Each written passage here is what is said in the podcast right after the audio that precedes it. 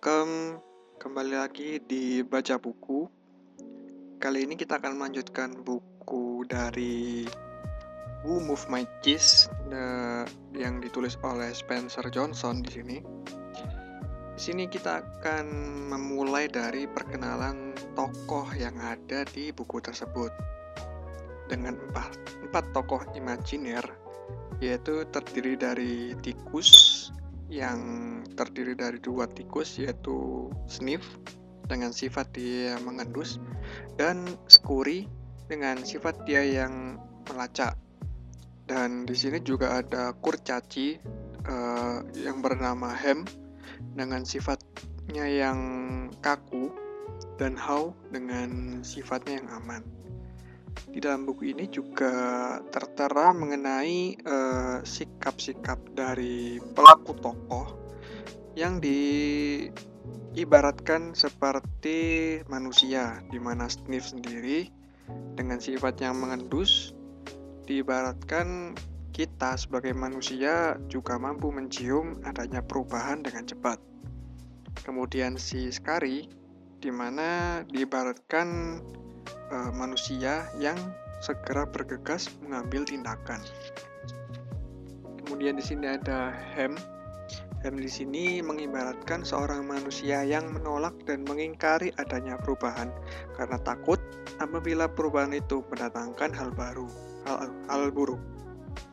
Kemudian ada How di sini dengan sifat yang rasa aman, di mana diibaratkan dengan sikap manusia yang baru mencoba ataupun beradaptasi jika ia melihat perubahan dan ternyata menandakan sesuatu yang lebih baik. Oke, di sini uh, saya akan membacakan mengapa buku ini ditulis terlebih dahulu sebelum kita masuk ke inti cerita supaya dari kita sendiri dan sebagai Anda pendengar lebih bisa memahami dan memaknai maksud dari buku tersebut. Ini ditulis oleh Kenneth Blancard, di mana uh, kita mulai saja di sini. Uh, dari sudut pandang Kenneth Blancard, di sini uh, cerita tersebut menggambarkan uh, kondisi ketika hati saya sungguh bergetar begitu ingin menceritakan kisah di balik cerita Wolf Cheese. Karena ini berarti bukunya sudah ditulis dan siap untuk dibaca, dinikmati, dan diceritakan kembali ke semua orang. Inilah yang saya inginkan ketika pertama kali mendengar Spencer Johnson menceritakan tentang cheese-nya yang luar biasa itu. Beberapa tahun lalu, sebelum kami menulis The One Minute Manager bersama-sama. Saya ingat ketika setelah saya mendengar mendengarnya, saya berpikir sungguh bagus cerita ini dan sungguh bermanfaat bagi saya sejak itu. Womb of My Cheese adalah kisah tentang perubahan yang terjadi di sebuah labirin di mana terdapat empat tokoh yang sangat menarik pergi mencari cheese. Cheese ini adalah perumpamaan tentang hal-hal yang kita inginkan dalam hidup ini, baik itu pekerjaan, hubungan, uang, uang, rumah yang besar, kebebasan, kesehatan, pengakuan, kedamaian batin, atau bahkan kegiatan ringan seperti lari pagi maupun golf. Kita masing-masing memiliki gagasan sendiri tentang apa cis kita dan kita pun mengejarnya karena yakin itu akan membuat kita senang. Kalau kita mendapatkannya, kita akan terikat padanya. Apabila kita kehilangan atau terpisah dari hal itu, maka bisa mengakibatkan sesuatu yang traumatis bagi kita. Labirin dalam kisah ini mewakili tempat di mana Anda menghabiskan waktu mencari-cari apa yang Anda idamkan. Bisa berupa organisasi, tempat Anda bekerja, komunitas, tempat tinggal, ataupun hubungan yang Anda miliki dalam hidup ini. Dalam seminar-seminar saya di seluruh dunia, saya menceritakan kisah tentang cheese yang sebentar lagi akan Anda baca atau Anda dengarkan di sini dan sering saya dengar bagaimana cerita ini mampu membawa perubahan pada orang yang telah mendengarnya. Percaya atau tidak, cerita pendek ini telah membawa dampak positif dan menyelamatkan pernikahan karir maupun nyawa seseorang.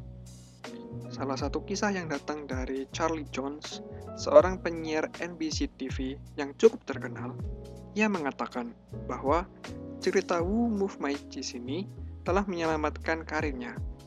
Pekerjaannya sebagai penyiar memang unik, namun prinsip dasar yang ia pelajari dapat digunakan oleh semua orang. Beginilah kisahnya.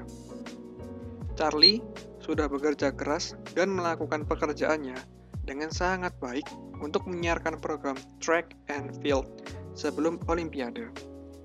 Ia begitu terkejut dan marah ketika atasannya memindahkan Charlie dan tayangnya ini ke Olimpiade musim berikutnya dan menempatkannya ke program swimming and diving. Oleh karena tidak menguasai cabang olahraga ini, Charlie menjadi semakin frustasi. Ia merasa tidak dihargai dan menjadi begitu marah. Ia merasa tidak diperlukan dengan tidak tidak diperlakukan dengan adil. Kemarahannya kemudian berpengaruh pada segala hal yang ia lakukan. Kemudian ia mendengar cerita Who Moved My Cheese. Setelah itu, ia menertawakan dirinya sendiri dan mulai mengubah sikapnya. Ia menyadari bosnya hanya memindahkan cheese-nya. Ia pun menyesuaikan diri. Ia belajar tentang dua cabang olahraga yang baginya adalah hal yang baru, dan pada prosesnya ia merasa bahwa Melakukan hal yang baru membuatnya awet muda. Tak lama, atasannya pun memperhatikan perubahan sikap dan energi diri Charlie. Tak lama juga, ia pun mendapatkan promosi yang lebih baik. Ia menikmati kesuksesan yang lebih besar yang membuat namanya terpapang di Pro Football's Hall of Fame Broadcasters Alley. Itu hanya salah satu dari kebanyakan kisahnya yang saya dengar mengenai efek dari cerita Cheese ini terhadap kehidupan banyak orang, mulai dari pekerjaan sampai kehidupan percintaan mereka. Saya termasuk salah satu orang yang sangat percaya akan kekuatan cerita Womb of My Cheese. Dan sebelum diterbitkan, saya sudah membagikan 20 eksemplar edisi prapublikasinya kepada karyawan kami. Mengapa? Karena seperti halnya perusahaan lain yang juga ingin dapat bertahan hingga ke masa depan dan tetap kompetitif, the Clan Blanchard Company, Companies selalu mengalami perubahan. Mereka selalu memindahkan JIS kami. Jika kami dahulu mencari karyawan yang setia, kini kami mencari orang-orang yang luwes yang tidak terpaku pada peraturan yang berlaku di sini dalam tanda kutip. Namun, seperti yang Anda ketahui, hidup di dalam air yang selalu bergolak juga menantangkan stres, kecuali jika kita mempunyai pegangan untuk memahami perubahan yang terjadi. Di sinilah peran cerita Cheese. Ketika saya menceritakan tentang cerita tersebut, dan kemudian mereka membaca Who Move My Cheese, Anda dapat merasakan lepas energi negatif. Salah satu demi satu, orang dari setiap departemen keluar dari ruangan mereka dan mendatangi saya untuk berterima kasih karena telah memberikan buku tersebut dan mengatakan betapa buku tersebut telah membantu mereka dalam memahami perubahan yang terjadi di perusahaan kami. Percayalah, cerita perumpamaan pendek ini, walaupun hanya memerlukan waktu sebentar untuk membacanya, namun dampaknya luar biasa. Saat Anda membalikkan halaman, Anda akan menjumpai tiga bagian dalam buku ini. Bagian pertama yaitu pertemuan. Bekas teman-teman sekelas bertemu diadakan diadakan reuni kelas. Mereka bertukar pikiran tentang perubahan yang terjadi dalam hidup mereka. Bagian kedua adalah cerita Who Moved My Cheese yang menjadi inti dari buku ini. Dalam cerita tersebut, Anda akan menemukan bahwa Kedua ekor tikus lebih bisa menghadapi perubahan yang terjadi karena mereka tidak memperumit permasalahan. Sedangkan, kedua otak canggih dan emosi manusiawi para kurcaci mempersulit keadaan yang ada. Hal ini bukan karena tikus lebih pintar dari manusia. Kita semua tahu bahwa manusia jauh lebih cerdas dibandingkan dengan tikus. Namun demikian, saat Anda memperhatikan apa yang dilakukan oleh keempat tokoh tersebut dan menyadari bahwa keempatnya mewakili bagian dari diri kita. yang sederhana dan rumit, Anda akan setuju bahwa kita akan lebih beruntung jika kita tidak secara sederhana dalam menghadapi perubahan. Di bagian ketiga buku ini dibahas mengenai diskusi. Masing-masing tokoh berbicara tentang arti cerita tersebut bagi mereka dan bagaimana cara mereka menerapkannya dalam dunia kerja dan kehidupan mereka. Beberapa orang pembaca naskah buku ini cenderung untuk berhenti membaca setelah cerita Cis berakhir dan kemudian menginterpretasikan isi cerita tersebut menurut pengertian mereka sendiri. Sementara, yang lain menikmati bagian diskusi ini karena bagian tersebut menstimulasi pikiran mereka tentang bagaimana cara menerapkan hal yang telah mereka pelajari itu ke dalam situasi yang sedang mereka hadapi. Setiap orang tahu bahwa tidak setiap perubahan itu baik ataupun diperlukan.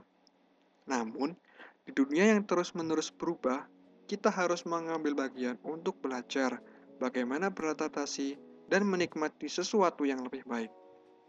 Namun demikian, saya berharap setiap saat Anda membaca kembali Who Move My Cheese, Anda akan menemukan sesuatu yang baru dan berguna, sama seperti saya. Dan hal ini akan membantu Anda untuk mengatasi setiap perubahan yang terjadi dan mendatangkan sukses dalam segala hal yang Anda inginkan. Saya berharap Anda menikmati hasil temuan Anda dan selalu sehat. Ingat, bergeraklah bersama Cheese dari Ken Blancard, San Diego, California. Itu tadi mengenai kata pengantar yang disampaikan oleh uh, Glenn Blancard di sini memang uh, untuk Who Move My Cheese sendiri terdiri dari tiga bagian dan ceritanya memang sangat pendek sekali. Untuk kalian yang masih penasaran dengan apa isi buku ini, silahkan pantengin dari podcast ini. Kita akan ceritakan di episode selanjutnya. Cukup sekian dan bye-bye.